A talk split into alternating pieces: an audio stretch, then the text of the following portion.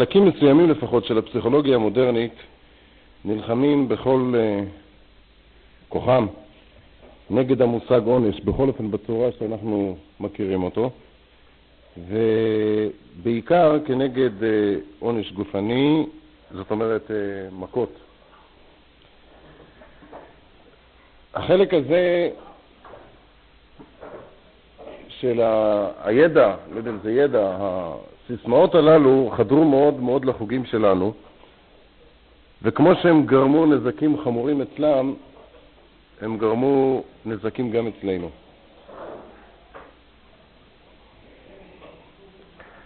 אחת ה... שם ב... בארצות הברית, המקור שמשם יצאה האידאה הזו, ישנו סיפור או המלצה מפורסמת שמתארת את המצב.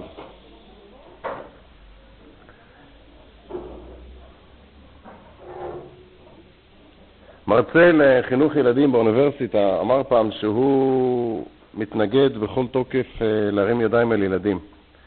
שאל אותו אחד הסטודנטים, אה, אתה אף פעם לא הרמת ידיים על הילדים שלך? אף פעם לא. אז הוא אומר, אני מצהיר בזה מפורשות, כי מעולם לא הרמתי ידיי על בניי אלא לשם הגנה עצמית.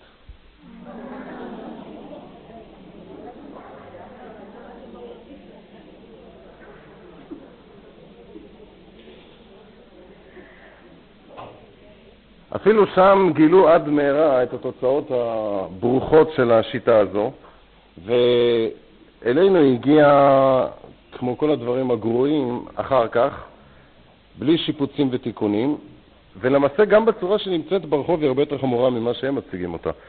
אני לא מתכוון עכשיו חלילה לבזבז את הזמן בשיעורי פסיכולוגיה, זה בכלל לא פסיכולוגיה, זה פילוסופיה יותר אצלם.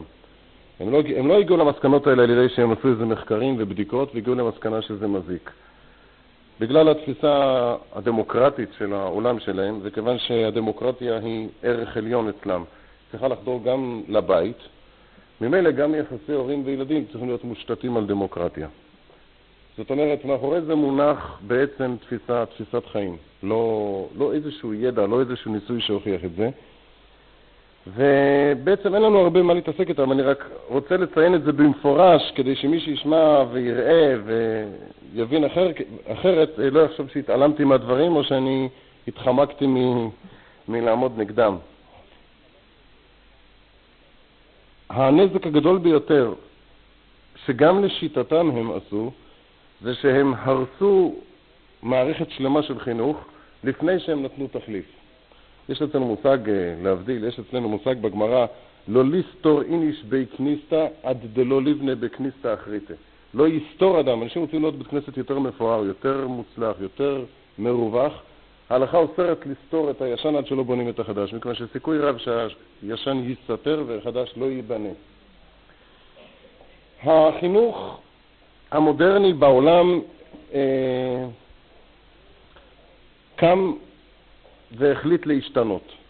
זאת אומרת, הוא אמר כל מה שלא בסדר בחינוך הישן. והאלטרנטיבה הוא לא נתן, ותוצאותיו הברוכות של החינוך הזה אנחנו רואים ברחבי העולם.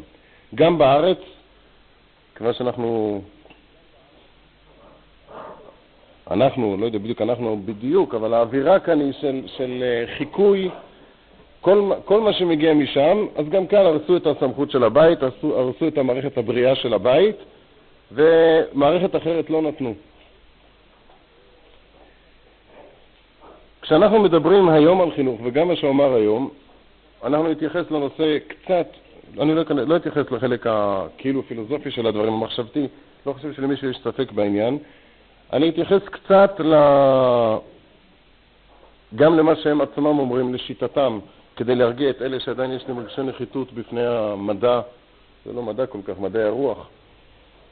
וגם אני רוצה להקדים שחלק מהדברים שהוא אמר הם בהתחשב במצב הנוכחי. זאת אומרת, בלי ספק ישנם דברים שאני אומר היום, ש... בלי ספק, שכנראה לפני 50 שנה לא היו נכונים. אנחנו, לצערנו, נמצאים במציאות נתונה. אנחנו מושפעים, הושפענו, מושפעים, המצב היום מכריח אותנו אה, לשינויים מסוימים בטכניקה של החינוך, לא חס ושלום בעקרונות, אבל בטכניקה של החינוך, ובכלל חוכמת החינוך היא חוכמה מעשית. חוכמה מעשית מתחשבת בנתונים שנמצאים בשטח. לא חלילה בקביעת המטרות, לא באידיאלים, לא בתפיסת החיים, אבל בטכניקה המעשית. באחת ההרצאות הראשונות הגדרנו את העונש כהכשר מצווה. זאת אומרת, כשאנחנו מחנכים, גם בחוגים שלנו, מדברים הרבה נגד העונש, וזה נתפס כאילו אנחנו מתכוונים למה שהם מתכוונים. וזה בהחלט לא נכון.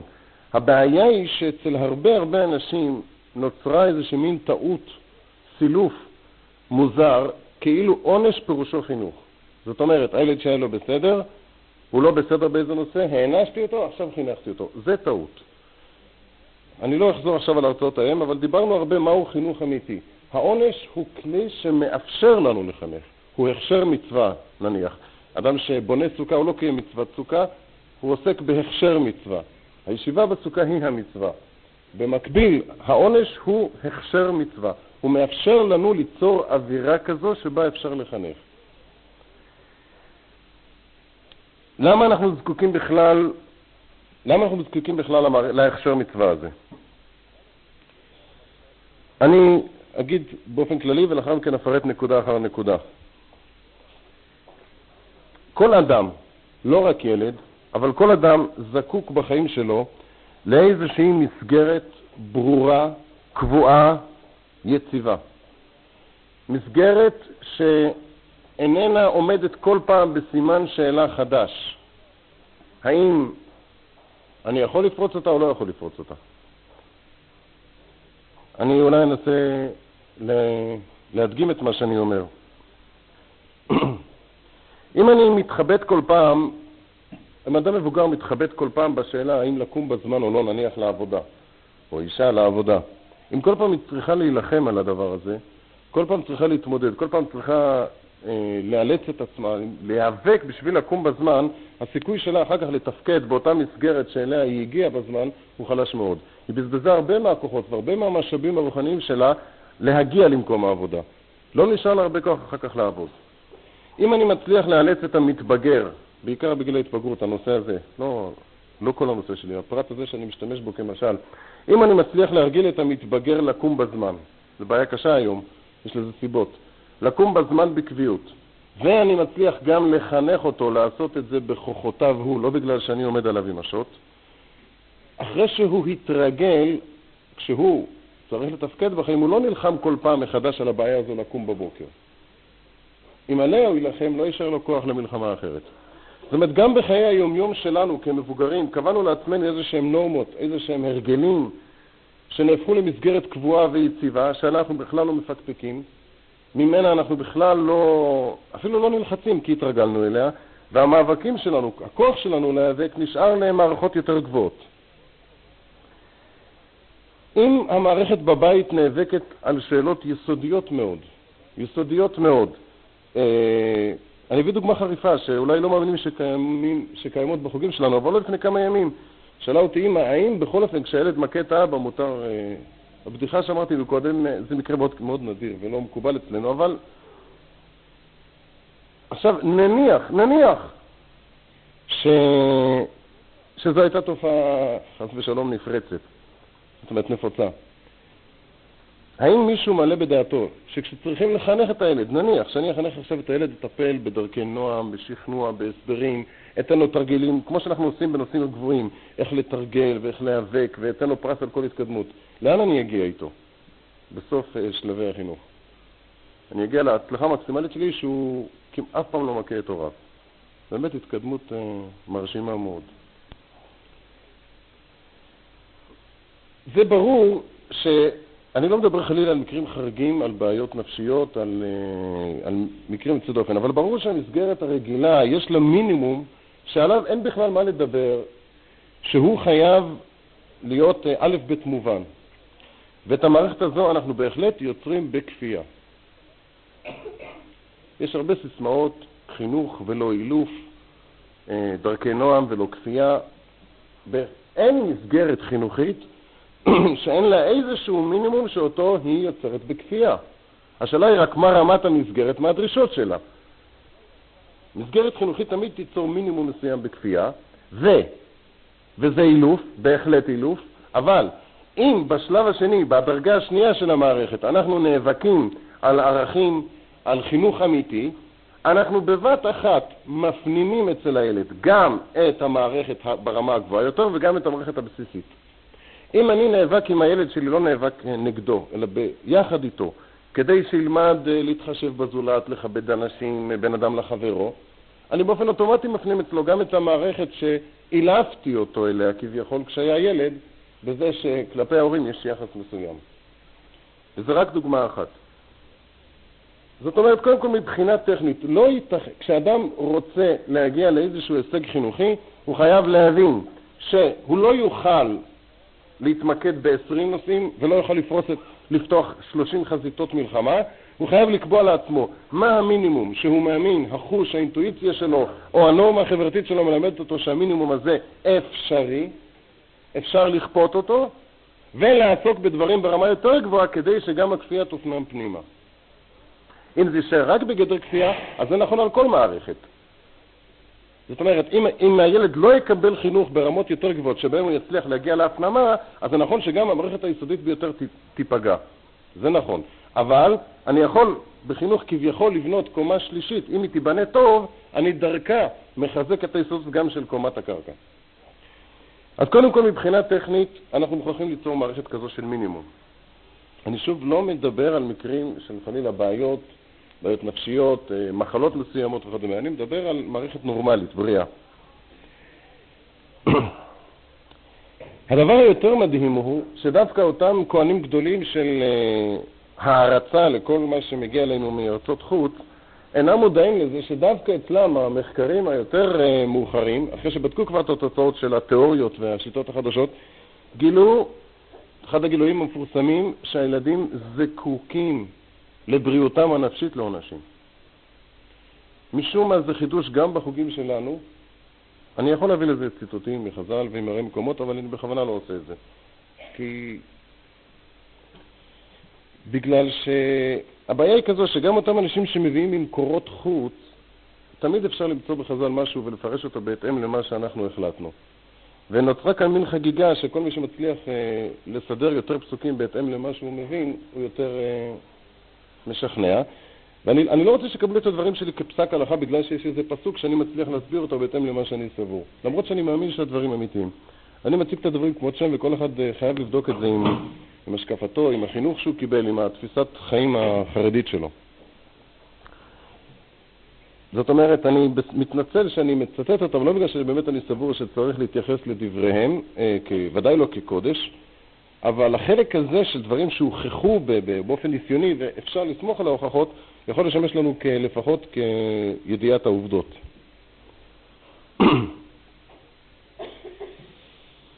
ניסיונות רבים נעשו לגדל ילדים במסגרות, בעיקר יתומים, שם עשו את זה, במסגרות שאין בהן כפייה, אין אילוצים, אין מערכת מחייבת, בלי עונשים.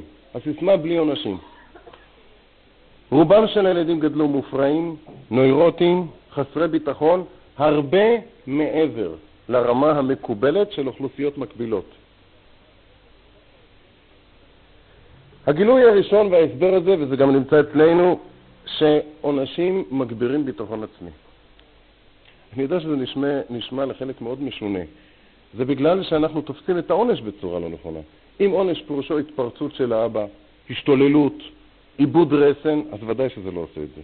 אבל אם עונש זה כמו שהגדרנו אותו בפעמים הראשונות, זה פעולה מכוונת, מרוסנת, מתוכננת. לעזור לילד לרסן את היצרים שלו, אז בהחלט עונש מפתח ביטחון עצמי.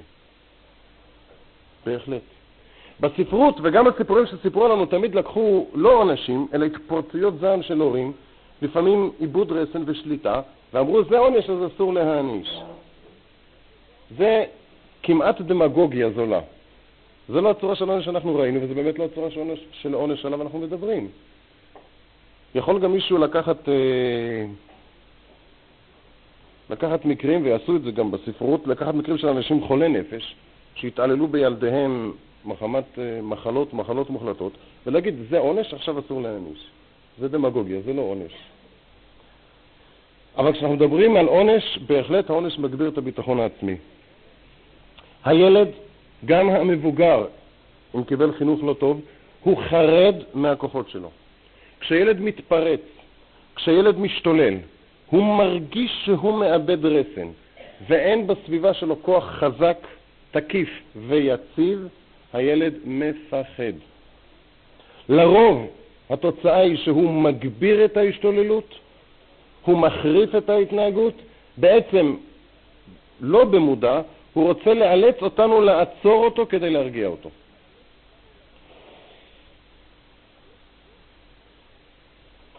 יש, ישנם אה, הוכחות גם לכך שילדים, אחרי שלא זכו לעונש על התנהגות קיצונית מאוד, הענישו את עצמם. זאת אומרת, תת ההכרה שלהם גרמה להם אה, להכשיל את עצמם, ליפול, להיפצע, אפילו להזיק לעצמם. יש מקרים קיצוניים שאפשר לזהות את זה. הייתה תקופה שהתירו לנסות אה, לחקור ילדים באמצעות היפנות, ואז הצליחו לגלות מה המניעים שלהם באמת. אה, דוגמה שהייתה בארץ, בעפולה, שילד אה, זרק על אמו אבן ופצע אותה, ירד לדם, ולאחר מכן, מדובר בילד בן, בגיל חמש נדמה לו היה, ולאחר מכן הוא תקע בעצמו סכין, הוא לא נהרג. ובהפנות הוא אמר שהוא רצה להרוג את הרשע בפנים. זו דוגמה, אני חושב שהתפרסמה, מי, מי שמכם זוכר לפני 12-13 שנה בערך היה הסיפור הזה. היום לא מתירים אה, לעסוק בזה ולכן קשה להוכיח את הדברים, אבל עד, עד העיקרון הזה לכשעצמו לא מוטל בספק. טיפול בהיסטריה. היסטריה, אני מתכוון מה שמקובל בציבור כהיסטריה. בשפה המקצועית, מה שאנחנו קוראים היסטריה, הם קוראים פאניקה. פאניקה הם קוראים לזה, אבל זה לא משנה. מה שבציבור מקובל כהיסטריה, לזה אני מתייחס. אני לא יכול להציע לציבור לנסות את מה שאני אומר, אני משתמש בזה רק כדוגמה שמוכיחה בלי ספק את אותו עיקרון שעליו אני מדבר.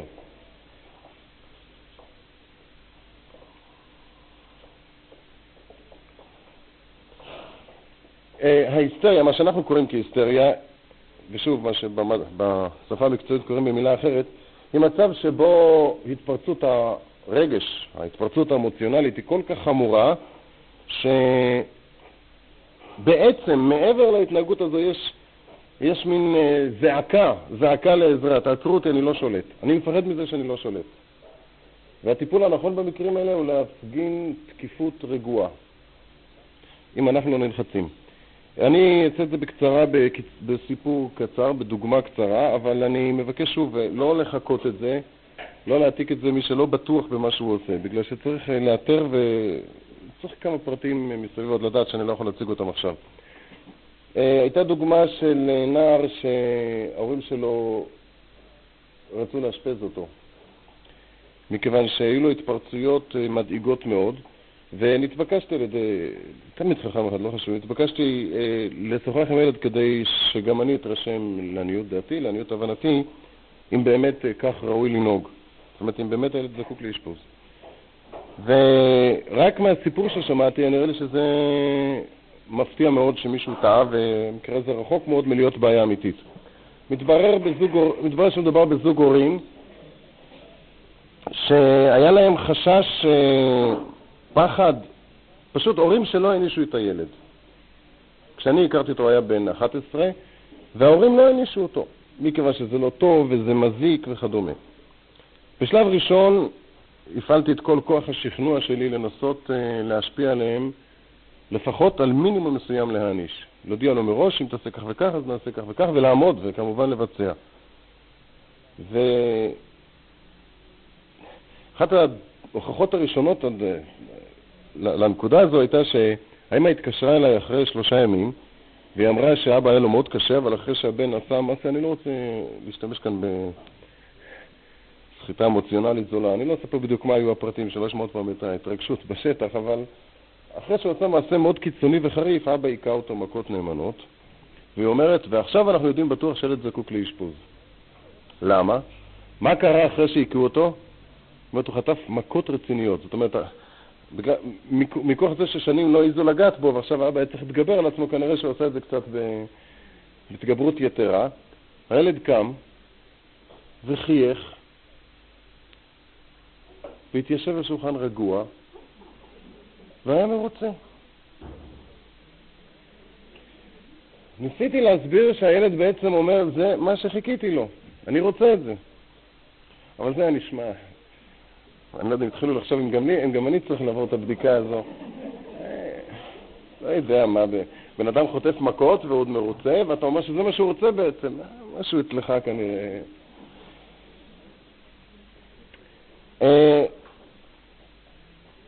לאחר מכן הקדוש ברוך הוא סיבב הסיבות וזכיתי להיות נוכח באחת ההתפרצויות שלו, הייתי בבית שלהם, אה, צורך. הייתי אצלם בבית, וראיתי שמתחיל להיות מתח. מתחיל להיות מתח, הבן כן רוצה, אבא אומר לא, ואבא רוצה כן. בעצם אבא רצה לוותר לו, אבל אני עמדתי בצד, הוא פחד, לא יודע מי מפחד יותר מבן או ממני. ואז אני, אולי לא כל כך בצורה הוגנת, אני החרפתי את המתח.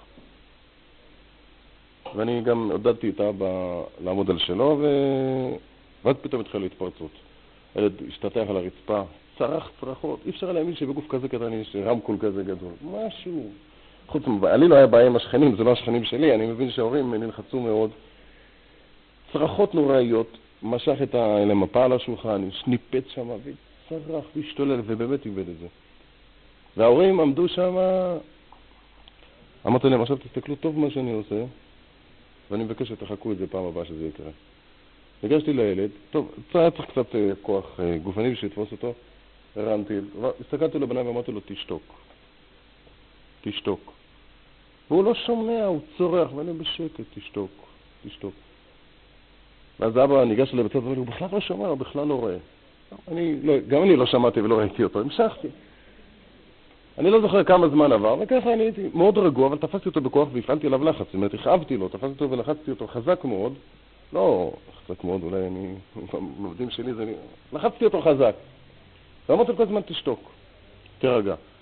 מקרים כאלה בעבר הם הזמינו בעל מקצוע, התפרצות כזו נמשכה שלוש-ארבע שעות, הוא היה נופל אחר כך באפיסת כוחות, לא יכול ונרדם, והיו מזמינים אה, בעל מקצוע משהו מזה, ומקבל זריקה בשביל הרגע. לאחר מכן, אחרי שעברו עשר דקות, רבע שעה, והיה נדמה לי שהוא מתחיל להיאבק נגדי, זאת אומרת, הוא כבר מרגיש שאני קם, ביקשתי מהם אה, להפעיל את החדר, ואני התנדרתי אליו בטון רגוע. אמרתי לו, אני אשאר איתך כאן עשר שעות, עשרים שעות, כמה שתרצה. אותי אתה לא מפחיד. אני רוצה שאתה תפסיק ואני אכריח אותך להפסיק. וכל הזמן חזרתי על זה, כמו תקליט, עוד פעם ועוד פעם ועוד פעם ועוד פעם ועוד פעם ועוד פעם. טוב, לי כמובן שזה נדמה כשעות, אבל לא עבר הרבה זמן, ופתאום הוא התחיל להיאבק איתי. הוא התחיל לצרוך, תוריד את הידיים שלך ממני, מי אתה בכלל? ועוד כמה איחולים וכינויים וברכות וציונים. ב-11 בערך, 11 וחצי. וכל הזמן אמרתי לו, אני אכריח אותך להפסיק. אני אאלץ אותך להפסיק. לא התייחסתי. אחרי זה התחיל איזה נציגה והוא אמר, אתה שונא אותי, אתה רוצה להרוג אותי? אמרתי לו, לא, אני לא שונא אותך, אבל אני, לא, אני רוצה להפסיק את מה שאתה עושה. תפסיק עם ההשתוללות הזו. ואני חושב שגמרנו את כל הסיפור בערך כשעה, בשעה, והילד אה, פתאום, שוב אותה תגובה, התפרץ בצחוק, שוב צחוק אולי קצת היסטרי, הלך לחדר, הביא איזה משחק, אה, משחק חברה ושאל אותי אם אני רוצה לשחק איתו. וההורים שוב הם משוכנעים בטוח שמישהו אצלו לא בסדר. למעשה, זו, זה לא, אין כאן שום חוכמה שלי, זה קצת ידע. זה השיטה לטיפול בהיסטריות מהסוג הזה. ההיסטריות מהסוג הזה זה ההוכחות המקצועיות, העצובות, אבל הברורות ביותר, שילדים זקוקים בשביל בריאותם הנפשית להרגיש שיש לידם כוח יציב, תקיף, החלטי, שיעצור אותם. גם אנחנו לעיתים, אני לא רוצה עכשיו uh, להתחיל להביא דוגמאות, אבל גם אנחנו, גם המבוגרים לעיתים, במצבים של חרדה קיצונית, מתקרבים למצב של uh, היסטריה, ואז כל אחד, אם יש לו מודעות עצמית, יוכל להרגיש בעצמו שהיה רוצה שיהיה, שהוא חוזר לילד שבו, והיה רוצה שמישהו מבוגר יעמוד לידו ויבטיח לו, אני לא אתן לך להרוס את עצמך. זה הסגנון. Uh, כך גם מטפלים הרבה פעמים במקרים של אה, איומים, אפילו בהתאבדות של מתבגרים. אני שוב, אני לא לוקח על עצמי תחליט שאף אחד יישם את מה שאני אומר, אבל אני בעצמי הייתי נוכח כשראש הישיבה שלי שוחח, שוחח, דיבר עם אחד שהיה בהתפרצות כזו, והוא ניגש, במצב, לא היה בחור יציב במיוחד, ניגש לראש הישיבה והוא אמר לו, אמר לו, אני הולך להתאבד. הוא היה כבר אצל שניים, וכל אחד נלחץ, ורצו איתו כמה בחורים, והיה מתח מסביב. ראש הישיבה אמר לו, איך? ככה משך את הזקן, איך? אז הוא אומר לו, מה, מה, מה, מה מה קשר ללכת לבית? כן, אבל איך? יש כל מיני שיטות, יש חבל, יש גז, יש קפיצה, אתה צריך להחליט איך. אבל אתה לא מבין, אני הולך לבית, אבל אני מבין, אני אפילו מוכן לעזור לך, רק תראה, נדבר, בוא נראה איך. והוא צועק ומנסה להרגיז אותו, והוא כל הזמן נשאר שלו, והוא אומר לו, אבל תפסיק לצעוק, בוא נארגן את זה, למה אתה צריך לצעוק? מה קרה? ואחרי, ואפילו התלוצץ אותו, אפילו אמר לו, אני צריך בשלב מסוים, אמר לו, תראה, גז זה, זה די יקר, לא מציע. ואז פתאום אחרי זה כמה שלבים שאני מהצד, למדתי על חברותא עם ראש ישיבה, מהצד היה נראה לי קצת אה, מסוכן ההימור. בשלב מסוים הוא פתאום צעק, אתה מתיר לי להתאבד? זאת אומרת, הוא כבר מתחיל לחזור ל... אמר לו, מה, יש לך בעיה הלכתית? יש לך בעיה הלכתית? מה, הוא אומר, אסור על פי דין.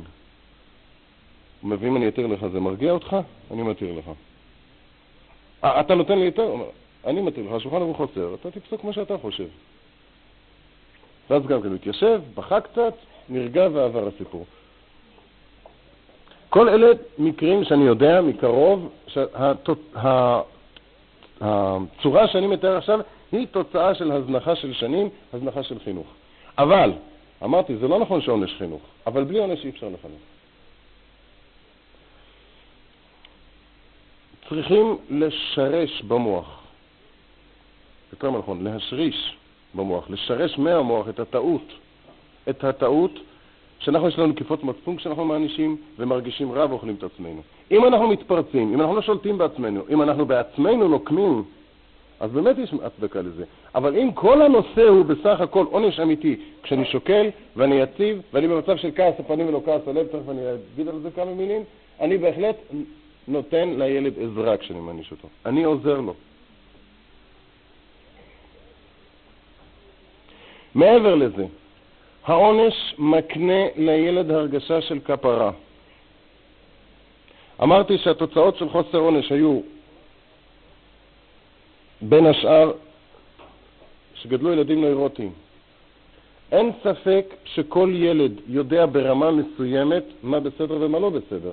אנחנו הרי לא מתכוונים להעניש על דבר שהילד לא ידע שזה לא בסדר. וברור שיש לו נקיפות מצפון. והוא זקוק להרגשה שהתכפר והתנקה והוא מזוכח.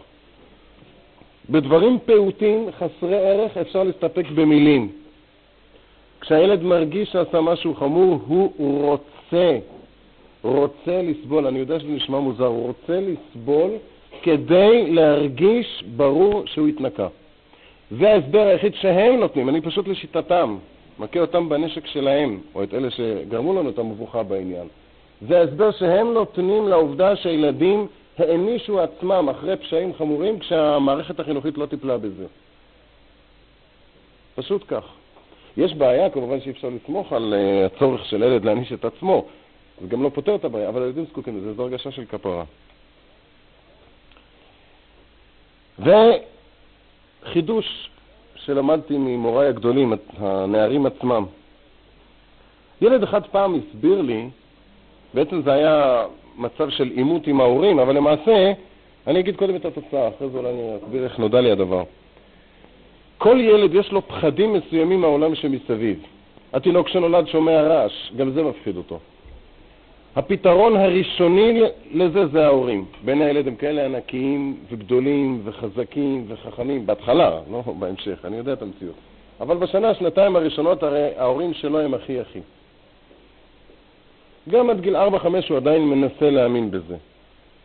שההורים חזקים ויש להם עוצמה והם יוכלו להגן עליו מכל העולם שמסביב.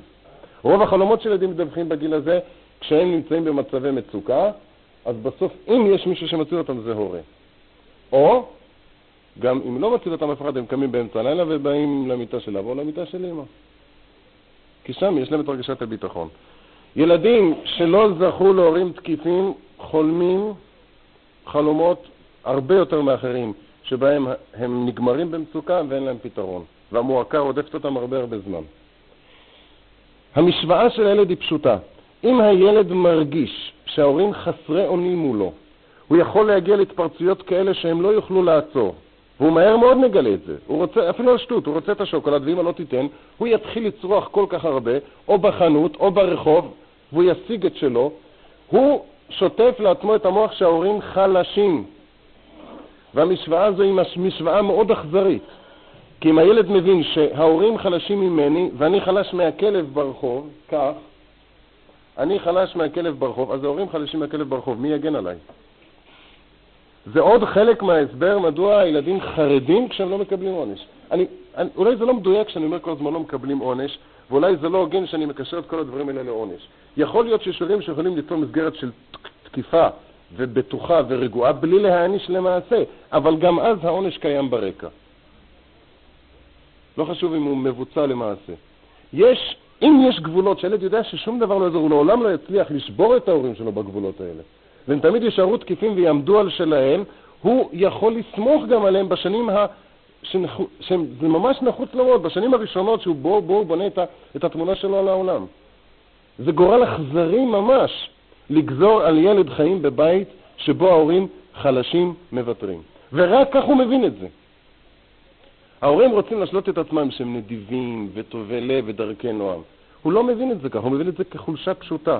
והם גם מבטאים את זה, מי שיודע להאזין לדבריהם. וחלק מהם שזוכרים עוד את ימי הילדות, אז יכולים לבטא את זה בגיל מבוגר בצורה יותר ברורה. כשאני תקיף, והילד שלי יודע שאני יכול להגיד לו, ואם אני אגיד לו זה יהיה לו, יתפוצץ העולם והוא יצרח עד מחר זה יהיה לו, אז כשאני אומר כן, אז אני טוב אליו. אבל כשאני לא יכול, זאת אומרת, ההורים האלה בשני חטאים חוטאים לעצמם ולילדיהם.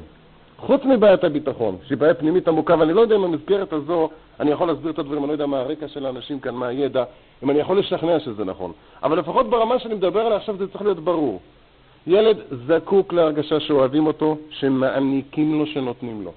הורים שלא מסוגלים להגיד לא, מעולם לא נתנו לילדים שלהם מאומה.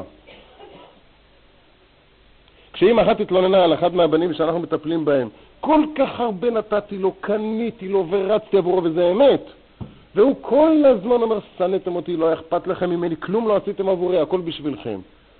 איך אתה מסביר את זה? והילד מסביר את זה פשוט, היום הוא מבין את זה, אבל הרגש כבר לא מתוקן אצלו. הוא אומר, מה פירוש היא עשתה לי משהו? היא פחדה שאני אצרח, אז היא קנתה. היא קנתה את מחיר השקט. ככה הוא אומר היום, אני מדבר בחור בן 17. יש לה כסף לקנות לי שלוש, ארבע, חמש פעמים בשנה חליפות דאבל, שווה לה, אחרת תהיה לה בושות בבית. וככל שהוא גדל יותר. היא מעולם לא העניקה לו כלום, והוא כועס עליה שהיא שונאת אותו. אני לא, לא בא לנתח את הבית, אני רק בא להסביר את החלק הזה של התוצאה. היא לא יכולה לתת לו מבחינה רגשית כשהוא, כשהוא חרד, כשהוא פוחד וכשהוא כועס עליה שהיא חלשה. קשה מאוד להעניק.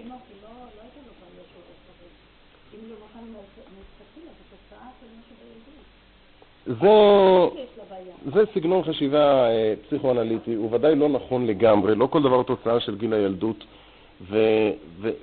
ואני מוכרח להגיד משהו בקצרה. יש לי בעיה הרבה עם... אתם צריכים להגיד, לדעת שבפסיכולוגיה המודרנית יש היום לפחות אה, 4-5 זרמים מרכזיים, ובתוכם הרבה הרבה הרבה זרמים, זרמי ביניים, ופסיכולוגיה חינוכית עוד יותר מסובכת, וכל הזרמים האלה מתחילים מפילוסופיה, כמעט כולם. זאת אומרת, מתפיסת חיים, מהשקפה. אם אנחנו נאלצים, אם יש כאן תקלה של חוכמה בגויים, ואנחנו צריכים לדעת את זה, אנחנו צריכים לסנן את כל, לחפש מכל זה מה נשאר הוכחות מעשיות בשטח. Uh, מי שלמד בדרך כלל שיטה מסוימת, מציגים את זה כאילו זו אמת ידועה. למרות ש... ש... אפשר להגיד שאני יכול לסתור את כולם לשיטתם, כי השיטה הזו סותרת את זו וזו סותרת את זו וזו מוכיחה שזה לא נכון, וראה זה פלא, שיטות סותרות לחלוטין באופן מהותי, בשטח כולם מצליחים, לפחות בספרות. בשטח ממש אני לא כל כך משוכנע. התפיסה הזו למשל, שהכל צריך להתחיל מגיל הילדות, היא פשוט לא נכונה. פשוט לא נכונה.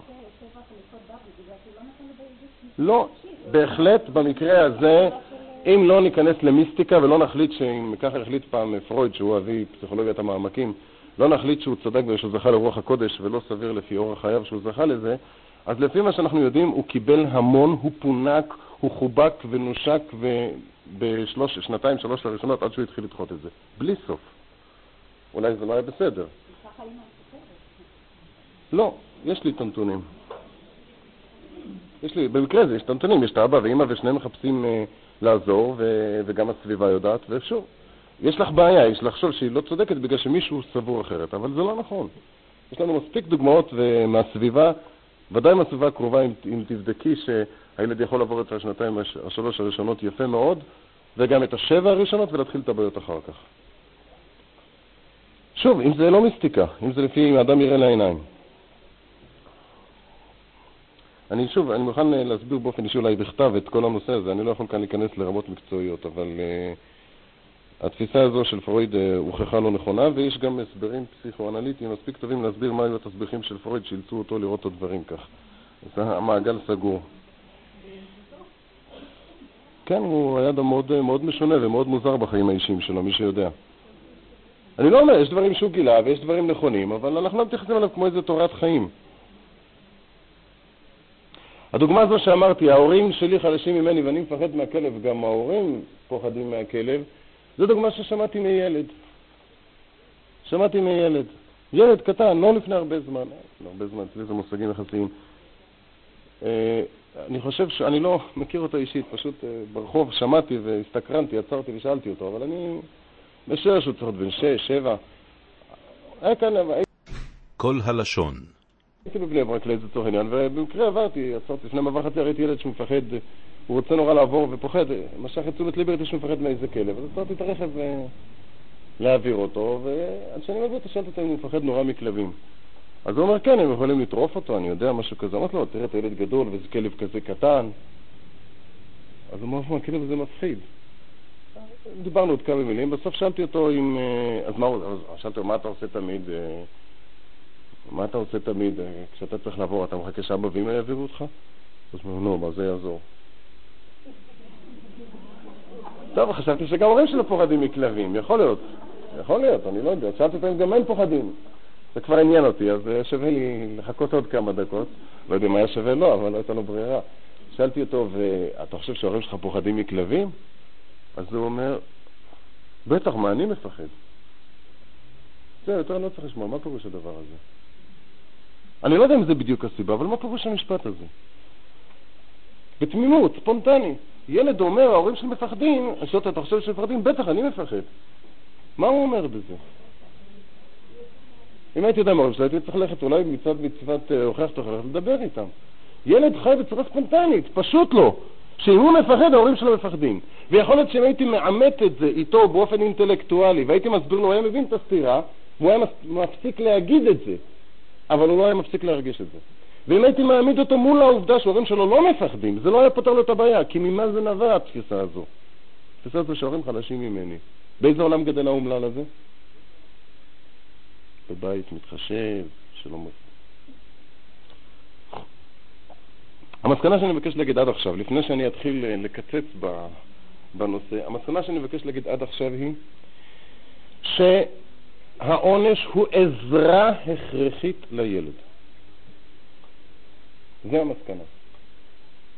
ובדיוק כמו שאדם מרגיש עצמו פושע אם הוא מעניש בצורה אכזרית, ברוטלית, לא אנושית, אם הוא בעצם פורק את הבעיות שלו במסגרת העונש, באותה מידה הוא צריך להגיש נקפות מצפון אם הוא לא מעניש.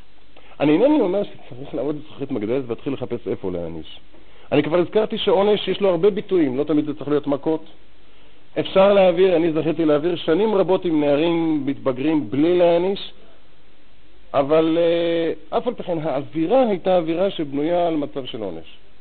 זאת אומרת, עונש יכול להיות גם, גם משפט פוגע, גם כמו, אתה מאוד מאכזב אותי, כואב לי, צר לי, גם זה יכול להיות עונש, תלוי מה מערכת היחסים, אבל חייבת להיות ברקע תמיד הרגשה שהכוח, העוצמה, התקיפות נמצאת בצד של המחנך. פשוט ככה. אה, בשנותיי הראשונות, ממש הראשונות בחינוך, הייתה אז באותה תקופה, עשו משפט לאיזה מורה, העמידו מורה למשפט על זה שהיכה תלמיד וירדו לו כמה טיפי דם בקצה פיו. באותה תקופה אני הייתי במוסד לנערים אה, מיוחדים. והיה שם בחור שהיה, אני חושב לפחות בגובה שלי, רחב, גם לא היה צעיר ממני הרבה, רק שהוא לא ידע את זה. והייתי אז בתפקיד קצת אה, ניהולי, הייתי אחראי שם, לא משנה, בקיצור, בחדר אוכל יום אחד הוא כאן לפני כל התלמידים ואומר, אה, מה שאתה מרביץ לנו זה לא בגלל שאתה בסדר איתנו, אתה מפחד. טוב, הסתכלתי עליו, חייכתי, אמרתי לו, אתה לא רעב? אפשר לאכול. התעלמתי. למרבה הפתעתי, אחרי כמה ימים התברר לי שיש למשפט המחוכם והגאוני הזה תוצאות, תוצאות בשטח. לא מיד הבחנתי מה הקשר, אבל עברו ימים והתחילו לדבר, אני מפחד מהם, לא מפחד מהם. פעם אחת הבחנתי שאני הולך לי בשביל הכורכר שם מבית המדרש לכיוון אחת הכיתות, פתאום עומדים, עומדים שלושה מולי, גם אם כולם ברוך השם בריאים לפחות בגוף, באים מולי ומחכים לראות מי יזוז. חשבתי איזה מין בדיחה ככה, לצה, רמת ההומור שלהם גם הייתה אצלי תמיד מוטלת בספק. אני באמת מסתכל עליהם ככה בחיוך משועשע, והם עומדים ככה. אמר להם, באתם להוות משמר כבוד בשבילי? בכלל ידעתי שיש כאן שבעה. ואז זה שעמד באמצע, זה שהיה, שגם דיבר בחדר, יכול אומר, נראה אותך עובר. האמת היא שאני לא יודעת איך צריך להגיב. האמת היא שאני לא יודעת איך צריך להגיב. ו... אבל אחר כך הבחנתי שברקע אני כנראה נמצא עכשיו באמת במבחן. הייתי שם בדשא מעבר לזה, עומדים שם קבוצה גדולה של ילדים ומחכים לראות איך תיגמר ההצגה.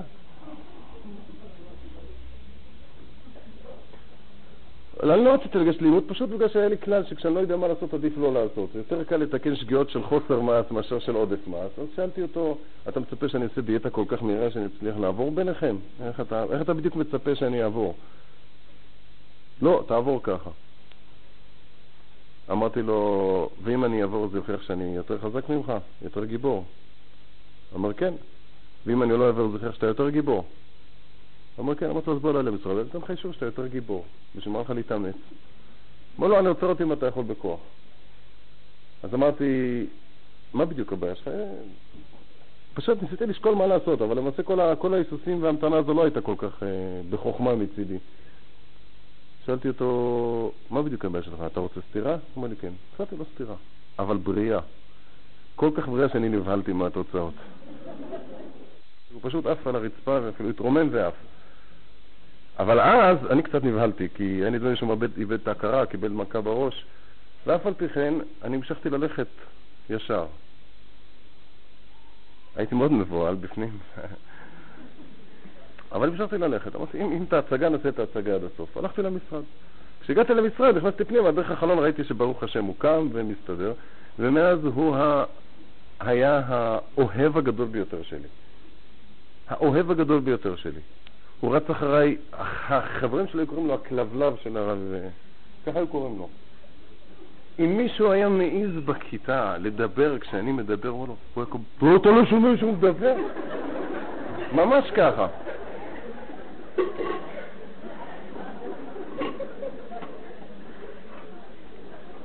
והוא היה, היה, היווה ומהווה אצלי עד היום דוגמה לאחד שכל מה שהוא היה זקוק לזה, רק זה. לא היו לו שום בעיות. אני הייתי עוד חדש בתפקיד הזה, לא הכרתי אותם, אבל כיוון שהוא השתרך אחרי יום ולילה, היית מוכרח להכיר אותו. מה שאתה רוצה יעשה לך. לשטוף לי את החדר, להכות לי את הכוס. ממש עבד. ומילה שלי הייתה קודש בשבילו. טוב, רציתי לנצל את זה, לתועלתו כמובן, לא לצרכים שלי. והבחור הזה, אחת ההצלחות הגדולות שלנו שם במוסד, והתברר מאוד שהוא אינטליגנטי וטוב והכל בסדר, אבל זה של הורים מאוד מאוד מבוגרים, שבאמת לא יכלו לחנך אותו והוא גדל ברחוב. וטוב, אני לא רוצה לציין ב happy end זול, אבל יש לו happy end גדול לסוף שלו, וכל מה שאני יכול להבין היום, וגם מה ששיחות איתו כשהוא התבגר יותר, דיברנו, זה כבר סיפור של 20 שנה מהיום, כמעט. כל מה שיכולתי לדבר איתו, תמיד זה היה ה... ה, ה אני הייתי צריך גבר. הוא לא מסביר את זה בצורה שאני מסביר, זה לא בדיוק התחום שמעניין אותו חינוך, אבל אין ספק שזה הפירוש. עכשיו, הבעיה הגדולה ביותר היא הביצוע המעשי של עונש. עד עכשיו דיברנו על הצורך, אני דיברתי על זה הרבה בחריפות. אני ירדתי עכשיו לרמה מקצועית, או אולי יש כאלה שאומרים שעניתי, אני חושב שירדתי ל...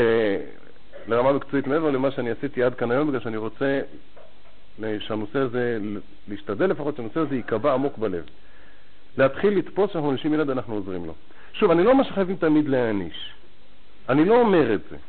אני רק לא מאמין שמבחינה טכנית אפשר בלי זה. אבל לא זה הנקודה. זאת אומרת, מה שהוכחתי עד עכשיו, לא הוכחתי שהעונש הכרחי, רק הוכחתי שהידיעה הזו, שישנה מסגרת מינימלית, לפחות מינימלית, עדיף לא מינימלית, שבה אין חוכמות, שום התפוצץ העולם, הילד יודע שהוא כנוע למסגרת הזו, הוא זקוק לה, והוא מסכן בלעדיה.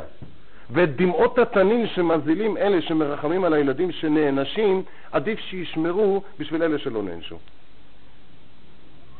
עדיף שישמרו. וחוץ מזה, בלי להיכנס לפרטי הפרטים, יש לנו הוכחות סטטיסטיות פשוטות, פשוטות מאוד. אחוז בעיות הנפש. לפני 50-100 שנה, שכולם היו מפגרים, פרימיטיביים, לא ידעו פסיכולוגיה, לא ידעו כלום, כמה היו? מה אחוז בעיות הנפש היום? כמה אנשים זקוקים היום לעזרה נפשית? כמה אנשים מתפקדים, חיים, נשואים, מגדלים ילדים, ויש להם לחצים, והם סובלים, והחיים שלהם מסכת ייסורים. מאיפה נובע כל זה? משהו מיסטי, המזל, השנים? יש לזה הסברים פשוטים מאוד. הם בעצמם אומרים שיש לזה הסברים פשוטים. הטעות החמורה הזו, שהרסו את כל אושיות החינוך לפני שנתנו תחליף. פשוט כך. היחס שלנו לעונש. באחת השיחות שלי בישיבה, דיברתי פעם, באחת הישיבות, דיברתי פעם על המושג של עונש, ואמרתי שבעצם עונש פירושו דרך שבה אדם לומד להשתלט על עצמו. תיארתי את האדם שיש לו, שאנחנו לא, לא אותו אדם כל הזמן, יש מצבים שהילד שבי עולה, יש מצבים שהמבוגר שבי עולה, וכשהמבוגר שלי רואה שהילד משתולל יותר מדי, אז המבוגר שבי אשתלט. סיפרתי להם סיפור שאני פעם הענשתי את עצמי. סיפור אמיתי. אמרתי להם שהייתי פעם מפקח על מועדונים, היה מועדונים בדרום של אור לנוער, והייתי צריך לנסוע כל לילה, ב-12 בלילה הייתי גומר בבאר שבע בערך או בבית הגדי, הייתי צריך לנסוע לפחות עד אשדוד, אשקלון, ב-12, 12 וחצי בלילה, והייתי צעיר, והרכב היה חדש, והכביש ריק, והיו תוצאות ברורות. אה, אחרי פעמיים שלוש אה, יצאתי בנס אה, כמעט גלוי ממקרים, פעם אחת גם התהפכתי פעמיים, ועוד המשכתי אחר כך לנסוע, ופעם אחת... החלטתי שאני צריך לעשות משהו עם עצמי, החלטתי שאני נוסע לא עובר את המהירות.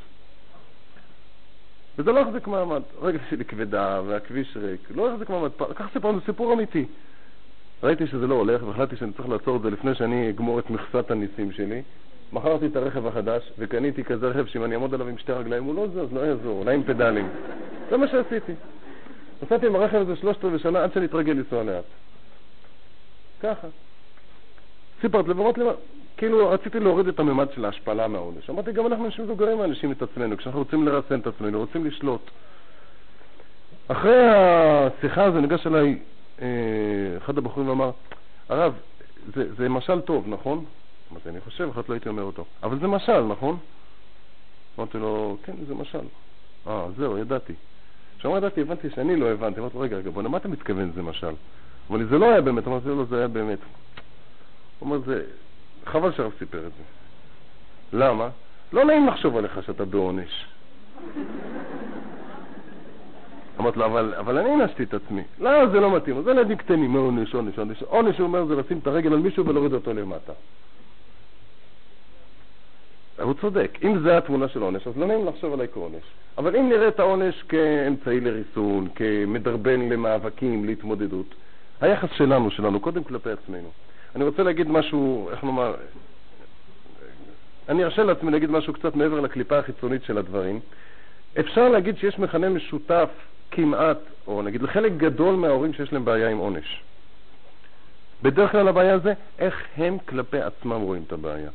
אני לא יודע, אם לא נתחיל לחקור איך ההורים שלהם חינכו אותם ואיך הם... לא, לא, לא נעסוק בזה, אנחנו לא נעסוק בניתוחים של העבר, וגם אין לנו טענות על אף אחד, זה הנתונים שלנו היום. אבל בדרך כלל אנשים שאין להם יחס מבוגר, באמת יחס מבוגר, לא התבגרו באמת, אני לא מדבר בגיל. למ... לה... אין להם בגרות פנית, קשה להם להעניש. או הפחד, דיברתי על זה פעם, פוחדים שהילד יפסיק לאהוב אותם. מה שיקרה זה בדיוק ההפך, אבל בשטח. או שהם מזדהים יותר מדי, והם זוכרים את עצמם לילדים קטנים שעשו להם את זה, והם מרחמים על עצמם באמצעות הבן. כל, ה... כל ההסברים הם מאוד מעניינים, אבל הרוב הם תירוצים. זאת אומרת, אני חושב ששלב ראשון בשביל לפתור את הבעיה, בן אדם צריך לשבת עם עצמו ולחשוב איך אני מתייחס לזה באמת, ולהיות רגוע מבחינה פנימית איך אני מסתכל על הדברים. אם אדם יודע שהוא יכול, ניקח דוגמה קלה, ילד צוצי קטנצ'יק בן שנה וחצי, שנתיים, שהיה לו בסדר ואמא נתנה לו מכה קלה ככה, טפיחה. אה, זה בסדר, כי לפעמים גם מתוך חיבה עושים את זה. עכשיו, אם את מסוגלת לדמיין לעצמך שעכשיו את עוזרת לילד, בזה שהוא לא צריך להיאבק עם עצמו. אם את מסוגלת לעשות את זה, אז זה שלב ראשון. אם לא, אז צריך לעבוד על זה. לחשוב, לקרוא, לשאול, אינני יודע מה, אבל חייבים להתמודד עם זה. אבל הבעיה היא ששוב, בדוגמאות שהם מביאים, כשמדברים על אנשים לא מרוסנים, על פראי אדם, על בני בלי תרבות, או חלילה על אנשים שיש להם בעיות נפשיות, הם פשוט מתפרצים. את כל הזעם והתסכול והמרירות שיש להם, הם פורקים על ראשם של הילדים. והתירוץ הוא עונש, על זה אנחנו לא מדברים. זה פשע. זה פשע בין אדם לחברו, יש גם יכול בין אדם לחברו כלפי הילדים. זה פשע חינוכי בלי ספק. ילד שמתפרצים עליו, קודם כל דיברנו קודם שהעונש נותן ביטחון. זה היה אבסורד, אבל הצד השני הוא ודאי לא אבסורד אצלכם. תארו לכם ילד קטן, שלוש, ארבע, מי שמתפרץ מתחיל כבר בגיל הזה, בגיל של הלא הראשון, ארבע, חמש, שש בטח, רק פרופורציות של גובה. זה בערך בשבילנו כמו אחד בגובה שתי קומות. בתפיסה, גם לפי מבט העיניים שלו. בשביל ילד בן שנה וחצי, כשהוא עומד מול אימא שלו, בלי שתהיה גבוהה במיוחד, זה כמו בערך בשבילי מישהו בגובה שתי קומות. ופתאום מישהו נופל עליו בפנים אדומות, ודאי שהוא לא יגדל בעולם בטוח ורגוע. מה שכתוב בהלכה כעס הפנים ולא כעס הלב, פירושו של דבר שלא ננקוט את הצורה ההפוכה. אני הכרתי גם דוגמאות של אנשים שעשו כעס הפנים וחייכו והיכו את הילד. זה נותן הרגשה של שטניות אכזרית, אין לזה הסבר אחר. לא לזה הכוונה. כעס הפנים ולא כעס הלב פירושו פנים כועסות, אבל לא התפרצות. הילד יודע בפירוש אם הפעולה נעשית מתוך שליטה או מתוך התפרצות. וכשיש מצב של התפרצות אסור להעניש, זה לא עונש. זה לא נכון, נוסח, פעם מישהו התפלפל איתי, אסור להעניש. זה לא עונש, זה סתם התפרצות, זה נקמה אישית. מה ההשפעה החינוכית של זה? הילד מבין שנוקמים בו אישית, אם החינוך הוא... אפילו ילד דבר רוחני טהור, כשהתפרצו על הילד הזה שהוא לא, לא נטל ידיים. הוא מבין שהבעיה היא שלא שמעתי בקולים, לא בגלל שיש איזה קדוש ברוך הוא ברקע שהוא אמר לי את הידיים, זה בכלל לא שייך לכאן הפרשה, כי ההתפרצות הנקמה היא אישית. זה בשום אופן אסור, מי שלא יכול לעשות את זה, אין לזה, אין לזה פתרון. אין לזה פתרון. אדם חייב ללמוד לרסן את עצמו. אז שוב, כעס הפנים ולא כעס הלב, אבל חלילה לא חיוכים. בשום אופן לא התנצלות. מאותה בעיה שיש לנו שלא נעים לנו, דיברתי על זה בעבר, אני רק מזכיר. הרבה הורים אומרים, אני מעניש אותך בגלל שאתה אשם ואתה עשית את זה ואני בכלל לא רציתי ואני אוהב אותך. כל זה, במקרה הטוב זה דיבורים לשווא. במקרה הגרוע זה מזיק. כשיש להורים הרגשה של אי נעימות, הם מפחדים שהילד אולי, אולי ילד לא יאהב אותי בגלל זה. הם בעצם מתנצלים. הם בעצם רוצים להגיד לילד, אני לא אשם, אתה, אתה אשם, אל תחשוב שאני אשם. הבעיה החמורה היא שהילד שומע את זה, במנגינה, בצליל, לא דווקא בתוכן.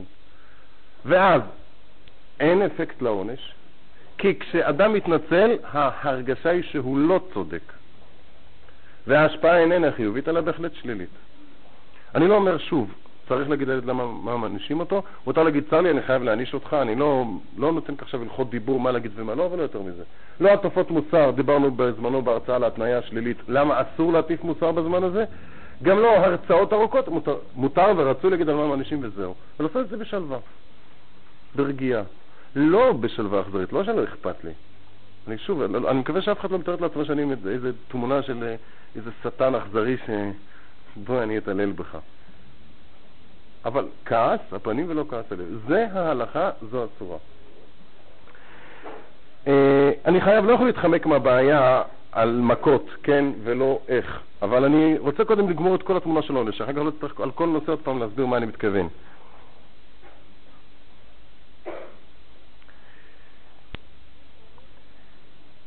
שום עונש, כשחוזר על עצמו יותר מדי פעמים, לא יעיל. כנ"ל גם המכות. אמר לי פעם אה, נער אחד, שאבא שלו היה מכה אותו על שקר, בגלל שכתוב באיגרת הגר"א להכות את הילדים על שקר. אז הוא אומר, הוא לא יודע שבעצם היה צריך להרכיב למין מכשיר אוטומטי, שכל פעם שאתה פותח את הפה הוא מרביץ לי כבר, בגלל שכל פעם שאני מדבר זה שקר. מה... הדוגמה הזו היא דוגמה חשובה להסביר את זה. נכון שהעיקרון הזה כתוב בגאון מווילנה, אבל ילד שמשקר כל היום, אם זה נכון, לא יעזור. כל אמא יודעת שמכה אחת עוזרת, חוזרת על עצמה, זה מאבד את האפקט. כל עונש שחוזר על עצמו מתרגלים אליו. זאת אומרת, אם עונש לא עוצר, וצריכים לחזור עליו עוד פעם ועוד פעם, סימן שהגיע הזמן להתחיל לחנך. העונש מטרתו הייתה לעצור את ההרגל, לעצור את ההתנהגות. עכשיו, כשהסוס כבר לא שוטף במרוצתו, והיצרים לא סוערים, והאווירה וה... איננה של סערה, אלא של רגיעה, עכשיו הזמן לחנך. אם לא מנצלים את זה, אז אפשר להעניש היום, מחרתיים על אותו דבר, עוד שבוע על אותו דבר, עד שהעונש לא עוזר, ואז צריך להתחיל להחריף בסולם המכות. ואז באמת יש, אי אפשר להגיד. אז בסוף צריכים באמת להשתמש במכות כאלה, שזה כבר אסור. יש הלכה גם איך להכות. אנחנו, אני מוכרח להגיד ברבים, גם אם זה לא ימצא חן בעיני רבים, האמת היא שאני בעד מכות. צר לי לאכזב את כל שוחרי הסגנון המודרני, אני בהחלט בעד. קודם כל, ההלכה קובעת שבגיל שהבן עלול להחזיר, אסור להכות. וזו הלכה חשובה מאוד. היום הדור התפתח כתוצאה מהקדמה והתפתחות הטכנולוגית, ובכלל אנחנו דור מתקדם, הילד יכול להחזיר בגיל יותר מוקדם ממה שיכול להחזיר פעם. אם פעם כתוב 16-17, אני חושב שהיום גם יש לפחות לא מעט ילדים שבגיל 13 כבר, ואז יש איסור שלפני עיוור לא תיתן מכשול, פשוט, פשוט איסור הלכתי. אבל, אבל, העונש הזה קל, מהיר, יעיל, זמין. פשוט. פשוט, אלה העובדות. מה אני אעשה שזה האמת? מה אני יכול לעשות? אם משתמשים בו שלוש פעמים ביום, אז הוא כמובן, זה איבד את האפקט שלו. אבל ככה, ב... אני, אני גם לא אגיד תאריך שמי שתפתח את היומן ותגיד, רגע, כבר מגיע לו מכות. אני לא, לא מתכוון לסגנון הזה. אבל בהחלט צריך לדעת שיש איזשהו גבול, אם דיברנו קודם על מינימום, על מסגרת, פריצת המסגרת בהחלט מצדיקה מכות. ואם הם לא עזרו, האמת היא שבאופן יעיל, קצת מכות, קצת מכות, בצורה אנושית, זה טוב. וזה צריך לעזור. בית בריא, שהחינוך בו טוב, זה צריך לעזור. הוא יודע שזה, בעצם מכות זה איתות, זה פנס אדום, אתה מגיע, אתה מגיע לגבול, עצור גבול לפניך. אם זה לא עוזר, אז כבר צריך לחפש משהו אחר. צריך, וזה סימן גם שלא טיפלו בחלק החינוכי. כי כל הזמן אני מזכיר, עונש. לא, אני מתכוון עכשיו הוא לא עוזר. לא, אני לא צריך לתת. תלוי, תלוי מה הבעיה ומה הקצב. אני לא יכול לתת רצפטים. זאת אומרת, אם יש בעיה של ילד שנניח, אני אקח דוגמה, אני אקח קיצוני, זה לא יעזור לך הרבה, אבל רק בשביל להסביר את הקצוות. אם, אם יש ילד שלא קם לתפילה וחוטף כל יום מכות, לא שווה שום דבר. אם, אני גם לא חושב שבכלל, אני בזהירות רבה אומר שעל קום עשה אני מאוד ממליץ לא לתת מכות, רק על לא תעשה. אבל זה מסובך קצת להסביר למה. מאוד לא ממליץ לאלץ מישהו לעשות משהו במכות. רוב הסיכויים, אני לא יכול להגיד, אני לא יכול לחשוב על כל הרעיונות שעלולים לעשות את זה בבתים, אבל 99% שאין בזה שום תועלת חינוכית. אנחנו בדרך כלל רואים מכות כעבירה על משהו, כבעיה שלא תעשה. עכשיו, ילד שנניח, אה, בדוגמה חריפה שאמרתי, שפגע בהורים או משהו מעין זה, אני בהחלט אה, מזכיר לו באופן גופני ברור שיש אה, עוד כוחות חזקים ממנו בעולם, ובאופן משכנע גם. באופן משכנע, לטובתו. לטובתו אני מעניק לו, אני נותן לו עזרה. פשוט כך. אנחנו צריכים לזכור שיש בבן אדם גם חלקים בהמיים. יש בו גם חלקים. ואם אנחנו לא נעזור לו להרגיע אותם בשפה שלהם, הסוסים לא מבינים פילוסופיה. ובכל אחד מאיתנו יש כמה סוסים בפנים. אבל הסוסים חוטפים כמה פעמים מכות והם לומדים. מאלפים סוס פעם אחת לא יודע כמה שנים הוא חי, עשר, עשרים שנה, אותו דבר. תמיד אני עומד משתאה, הלוואי עלינו כזו הצלחה. ככה זה, ככה זה החלק הבעמי שלנו. ככה זה החלק הבעמי שבאדם. והוא צריך את זה.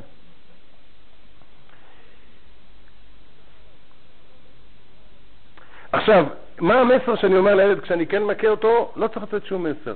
מה שחשוב מאוד, מי שרוצה לא לאבד את האפקט החינוכי של העונש זה שמיד אחרי העונש דקה, שתיים, שלוש, כשנפטרים מלפניך יהיו בעיניך כזכאים שקיבלו עליהם את הדין. הבעיה היא שלנו בדרך כלל, יש מבוכה ונעימות ושום דבר בטבעיות. הכל נגמר, חלק, נקי, חיים שלווים. אה, אני יכול עוד להרחיב בנושאים האלה, אבל אני מרגיש חובה, כיוון שהיום סטיתי כבר להתייחסות קצת מקצועית, לעוד נושא אחד. הסיסמה של החינוך המודרני הייתה מסקנה טבעית. כל כך נפוצה, כל כך משכנעת, כל כך נחמדה על פני הנייר, שמעט מאוד אנשים בדקו אותה לעומקה. הסיסמה הזו אומרת, אל תעניש את הילד. אל תעניש את הילד. אבל תן לו בעצמו להגיע למסקנה שלא כדאי לו להתנהג לא ראוי. זאת אומרת שהמעשים שלו יענישו אותו. אם אתה מצליח לעשות את זה, המעלה שהילד אין לו זעם כלפיך, אין לו מרירות כלפיך, מכיוון שהוא בעצמו נענש מחמת עצמו. זה נשמע בינתיים יפה, וזה היה נפלא אם זה היה עובד כך. תכף אנחנו נגיע. הם בעצמם, כשהם מגיעים כבר לשלב הפרקטי, אז הם קצת מוותרים על זה, והם מלמדים אותי איך ליצור מצב שתהיה מסקנה טבעית. זה כבר לא מסקנה טבעית כל כך. למשל, דוגמה שהם מביא, טוב, לא משנה, אחד הכהנים הגדולים שלהם, ילד מתנדנד על כיסא בכיתה. אתה יכול להעניש אותו, יש מרירות, יש מתח, חבל. תגיד לו, שימו לב, תגיד לו, תראה, אם אתה לא יודע לשבת על הכיסא, אתה לא יודע להשתמש בכיסא, אז תעמוד. כשתדע תשב. זה לא עונש. זה לא כמו שמורה אומר, שמע, אני מעניש אותך, תעמוד. אלא מסקנה טבעית, אתה לא יודע להשתמש, תעמוד. זה עדיין מקובל עליי, מסיבות אחרות לגמרי ממה שהם אומרים. מסיבה, מכיוון שנוסח כזה ילד מבין את ההיגיון שבעונש, זה כל הרווח האמיתי שיש בדברים. וחלק גדול ממה שהם מוכיחים שהצליח זה לא בגלל התיאוריה המנופחת הזו, פשוט בגלל שכשיש היגיון בעונש ויש צדק, אז סיכוי שהוא הרבה יותר יעיל. את זה אני מקבל. הם קצת קיצצו, אחד הכהנים הגדולים שלהם, אני משתמש בכוונה בזה כי, כי יש כאן משהו שקשור קצת לעבודה זרה, לפילוסופיה, חלק מהפילוסופיה. אחד מהם טען, הילד לא רוצה לסגור את החלון בלילה. שאמא לא תסגור לו, שיצטנן וילמד. מקובל, ממש נחמד מלבב. מה דעתכם על ילד שרץ לכביש, אולי גם אז האמא תשאיר לו לרוץ? זה לא מופיע בספרות. צריך עיון גדול, קושייה בלי תשובה. מה כאן עושים עם המסקנה הטבעית הנפלאה הזו? קצת אינטליגנציה. ישבתי פעם עם אנשים שמרצים את זה, אמרתי להם, עוד שלב הלאה. אני לא האמנתי, הייתי הצעיר שנפגשתי איתם, שאנשים כל כך לא חושבים. הרצאות וספרים ומאמרים וחוברות. אז בסוף אומרים, כן, איפה שאי אפשר, אי אפשר. רוב החיים אי אפשר. רוב בעיות החינוך הם כאלה. מקובל עליי, איפה שאפשר וזה הגיוני, תעשה. אבל אל תסיק מזה שאיפה שזה לא אפשר אתה לא מעניש. מקובל. הם ממליצים שאם הילדה לא מסדרת בשום אופן את החדר, אל תסדרי שלא תמצא את הדברים שלה. בהחלט מקובל, אם את מסוגלת לעמוד בזה. נדמה לי שגם לפי התפיסה הדמוקרטית יש אי אלו זכויות להורים בבית, לא כמו לילדים, אבל נדמה לי שמותר להם לחיות בבית. הם השקיעו בו משהו, יש להם איזה שהם אחוזים, לפחות בתור מיעוט לא נרדף. לפי הסגנון החדש אני לא כל כך בטוח בזה. אבל בסדר, אם היא לא מוכנה... כל הבעיות שהן לא עקרוניות, בסדר, שיפתור את זה כל אחד בסגנון שלו. אבל להפוך את זה למין קו. וכל דבר, רגע, מה המסקנה הטבעית כאן? עכשיו אני אסביר קצת יותר עמוק. בינתיים הראיתי שלשיטתם זה טיפשות. אני יודע שיהיו בעלי מקצוע שיגידו שאני שטחי, ואם אני אעיין בעומק הדברים אני אראה שיש בזה יותר עמקות. אני פשוט לא יכול לעשות את זה כאן. כמובן שאני לא מגיע לשיא העומק, אבל אני מציג את המסקנה. כשנתחיל את הפל... כל הפלפולים שאתם תשמעו בהמשך, שנותנים אשליה כאילו יש כאן משהו עמוק, זה בסך הכל תירוצים שנבנו כל פעם על זה שזה לא עבד בשטח. זה מערכת של לטס, ממש של טלאי על טלאי, ואתה מסתכל, אולי, אולי באמנות מודרנית, אני לא מבין, אולי זה משהו יפה מאוד, אבל כשאתה מנסה באמת להבין מה יש כאן כלום. סתם דיבורים. שתחשוב מישהי על בעיות החינוכיות שעומדות מהבוקר עד ערב אצלה בבית. אני מדבר על הנושא הזה קצת באריכות, כי מהחוג הזה קיבלתי איזה לפחות 18 מכתבים, סטטיסטית לכמות המכתבים שקיבלתי כאן זה המון, שהזכירו כל פעם את המסקנה הטבעית. מאיפה נכנס הנושא המוזר הזה אלינו? עכשיו, אני אומר, גם לשיטתם, זה כל כך אבסורדי, זה כל כך לא הגיוני. בסדר, מה, מה הבעיה? רגשי נחיתות כלפי מה שהגויים בעולם, יש הרבה מיליונים. יש עוד יותר קופים, קופים בג'ונגל בכמות הזו. מה, מה ההתרגשות הזו? ואפילו נניח שיש להם חוכמה, אבל אם אנחנו לא מבינים את זה ולנו זה לא הגיוני, אז לא, בואו נניח חס ושלום לא נפגע ב... במדע המעמיק והרציני והכבד, ואנשי המדע הנכבדים, חס ושלום, אנחנו לא מגיעים לקרסוליהם, מקובל. אבל אם זה לא עובד אצלנו, אז אנחנו לא זכינו לרדת לעומק חוכמתם, אז בואו לא נעתיק את זה כמו טיפשים. הדוגמה היותר חמורה בנושא הזה. אם זה, מה עיקר החינוך שלנו כאנשים עובדי השם? האמת היא שמה שאצלם זה בעצם כל בעיית החינוך. מה בעיית החינוך אצלם? באמת לנהל בית דמוקרטי שכולם מצליחים אה, לחיות בו בלי שאחד ירמוס את השני יותר מדי. יותר מזה לא צריך. אני אכתיב לילדים שלי, אני אכתיב לילדים שלי ערכים, כל אחד והאמת שלו. אני אגיד לילדים שלי בצדק, כל אחד והצדק שלו. אז מה, מה צריך, אז מה הנושא של החיים רק? חיה ותן לחיות. זה הסגנון. אולי בשביל זה מספיק מסקנה טבעית. אלא אם כן הוא ינסה, אם, אם הוא יכול להמשיך לחיות גם כשאתה לא חי, אז תהיה לך בעיה גדולה. אבל אני מוכן גם לקבל את זה. מה אנחנו עושים בחינוך לעבודת השם? מה אנחנו עושים? שאלתי פעם אישה מאוד נכבדה וחרדית שבאחת ההרצאות שלי התלוננה למה אני תוקף כל כך חריף את המסקנה הטבעית. זה כל כך נפלא, פשוט גם חוסר מחשבה. אמרתי לה, יש לי בעיה, תפתרי לי אותה מהמסקנה הטבעית. הבן שלי, רחמנא ליצלן, רצה להרגיז אותי והדליק חשמל בשבת. אני אחכה שהוא ייענש בגיהנום? איפה המסקנה הטבעית? מה התוצאה? מה התוצאה של זה? ואם הוא קיבל חשמל, אני אגיד לו עכשיו אתה תסבול, תשב בחושך? זה החינוך שאני אתן לו לעבודת השם? רוב החינוך שלנו, הרי זה הבעיה. זה כל נושא החינוך. אם ננסח את נושא החינוך במילים אחרות, בזווית מבט אחרת, יש לנו יצר הרע ויצר הטוב, כולם יודעים. אני לא מדבר על יצר הרע, על כוחות הטומאה, יש דבר כזה, אני לא מתייחס לזה, זה לא קשור לזה, אבל יש את הצורה הפשוטה. יצר הרע בצורה פשוטה הוא החשק לעשות מה שמתחשק לי עכשיו. זה יצר הרע. יצר הטוב זה חשבון לטווח ארוך. ויש בזה רמות. במושג הזה, גם אצל, נגיד אצלם ילד גוי, שהיום, עכשיו לא מקשיב בשיעור, בגלל שעכשיו נוח לו לשחק, והוא יפסיד שאחר כך הוא, אני יודע מה, לא, לא, לא יצליח במבחן, נניח. אז יש לו עכשיו גם מאבק ברמה הזו. ברמה הזו גם אצל אומות העולם, יש בין יצר רע ליצר הטוב. יצר הרע אומר לו, תעשה מה שמתחשק לך עכשיו, יצר הטוב אומר לו, תעשה חשבון לטווח ארוך. ככל שהוא יותר ברמה אנושית גבוהה, או ככל שהוא משליט יותר את הטוב על הרע, או ככל שהוא יותר משליט את השכל על הרגש, כל, כל הנוסחים עם אותה משמעות, אז הוא מסוגל להסתכל לטווח יותר רחוק. כל מטרת החינוך שלנו היא, כשהדברים רחוקים מדי מהילדים, להקריב את זה אליהם. כשאנחנו נותנים לילד פרס, אם אנחנו לא טיפשים ולא הופכים את הפרס למטרה במקום אמצעי, אנחנו בעצם עוזרים לו לראות שההתאפקות, הוא מתאפק עכשיו, בסוף השנה הוא יצליח. אנחנו רואים שזה רחוק מדי בשבילו. אנחנו מתחילים לצמצם את הפער. או שנותנים לו פרס, מה אנחנו עושים בעצם? בנוסח הזה, מה אנחנו עושים כשאנחנו נותנים לו פרס? אנחנו קצת, קצת מקריבים את, את מצב השכר. או שנותנים לו עונש, אנחנו מקריבים את מצב העונש. בעומק הדברים זה גם אחת הסיבות שאני ממליץ להעניש ביותר על סור מרע ולא על עשה טוב. מה תעזור לנו כאן המסקנה הטבעית? המסקנה הטבעית, הפילוסופיה שמאחוריה, וזה לא מוכנים להודות. הפילוסופיה שמאחוריה אומרת, אכול ושתו כי מחר נמות. זה המסקנה הטבעית. מה שעכשיו משתלם, עובד, בסדר, עכשיו זה יכול להיות בטווח אולי של 70 שנה. לרוב לא חושבים כל כך רחוק, חמש שנים, מקסימום עשר שנים. זה המסקנה הטבעית. יש, אתה מפסיד מזה היום? לא כדאי. לא מפסיד? לבריאות. אני לא יכול לתפוס איך חינוך חרדי יכול בכלל לדמיין בעצמו שיכול לדבר על זה. לא רק חרדי, כל מי שיש לו משהו, לא יודע באיזה רמה של עבודת השם. כל החינוך שלנו, ממש המוסד היסודי שלנו, כמובן שאנחנו צריכים לדאוג לכל, אבל החינוך שגם גם את עצמנו, אנחנו נתחיל לחיות עם מסקנות טבעיות. אנחנו חיים בפרוזדור, מסולף, מעוות, מטעה, מתוך, מתוך שאיפה להגיע בסוף לחיי נצח.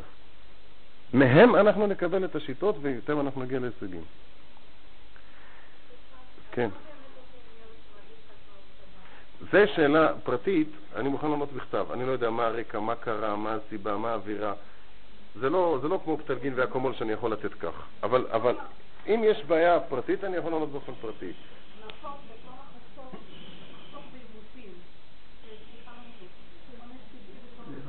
כן. כן. שוב, איפה שאפשר, אני רוצה להגיד עוד פעם, אני לא יכול להכריח יותר, אפשר לדבר על הנושא הזה שעות. אני מוכרח לסיים. כמובן שטוב להמעיט בעימותים, פשוט בשביל לחסוך את הכוחות. הרש"ר הירש כותב שאחד מכללי החינוך היסודיים הוא להגיד מינימום לא ולעמוד עליו בכל תוקף.